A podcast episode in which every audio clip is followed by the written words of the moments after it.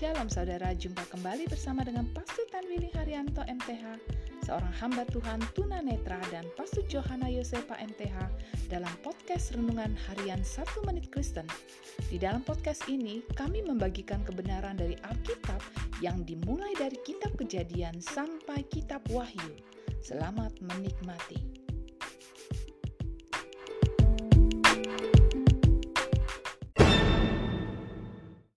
Saudara berharga di mata Tuhan, senang dapat jumpa dengan saudara. Hari ini firman Allah menasihati kita untuk mengikuti perintah Allah.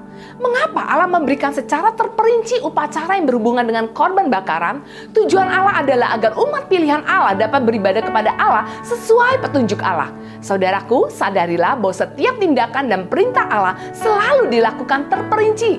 Dan ketika Allah menciptakan langit dan bumi dan isinya, Allah melakukannya secara terperinci dan teratur. Harapan Allah, kita sebagai manusia dapat dengan mudah melakukan dan menjalani perintah-perintah Allah. Jadi tidaklah sukar untuk melakukan melakukan perintah-perintah Allah. Karena sekalipun perintah itu tidak masuk akal, namun setiap perintah mengandung janji bahwa Allah mau memberkati kita. Sebab firman Allah mengatakan, sabdamu adalah perintah bagi langkahku, cahaya untuk menerangi jalanku.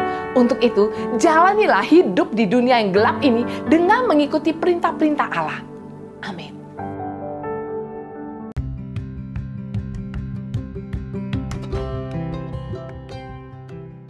Terima kasih saudara telah mengikuti podcast Renungan Harian 1 Menit Kristen. Doa kami, kiranya kebenaran yang saudara terima akan membuat saudara semakin berakar di dalam Tuhan dan bertumbuh dan berbuah lebat di dalam Tuhan. Tuhan Yesus memberkati.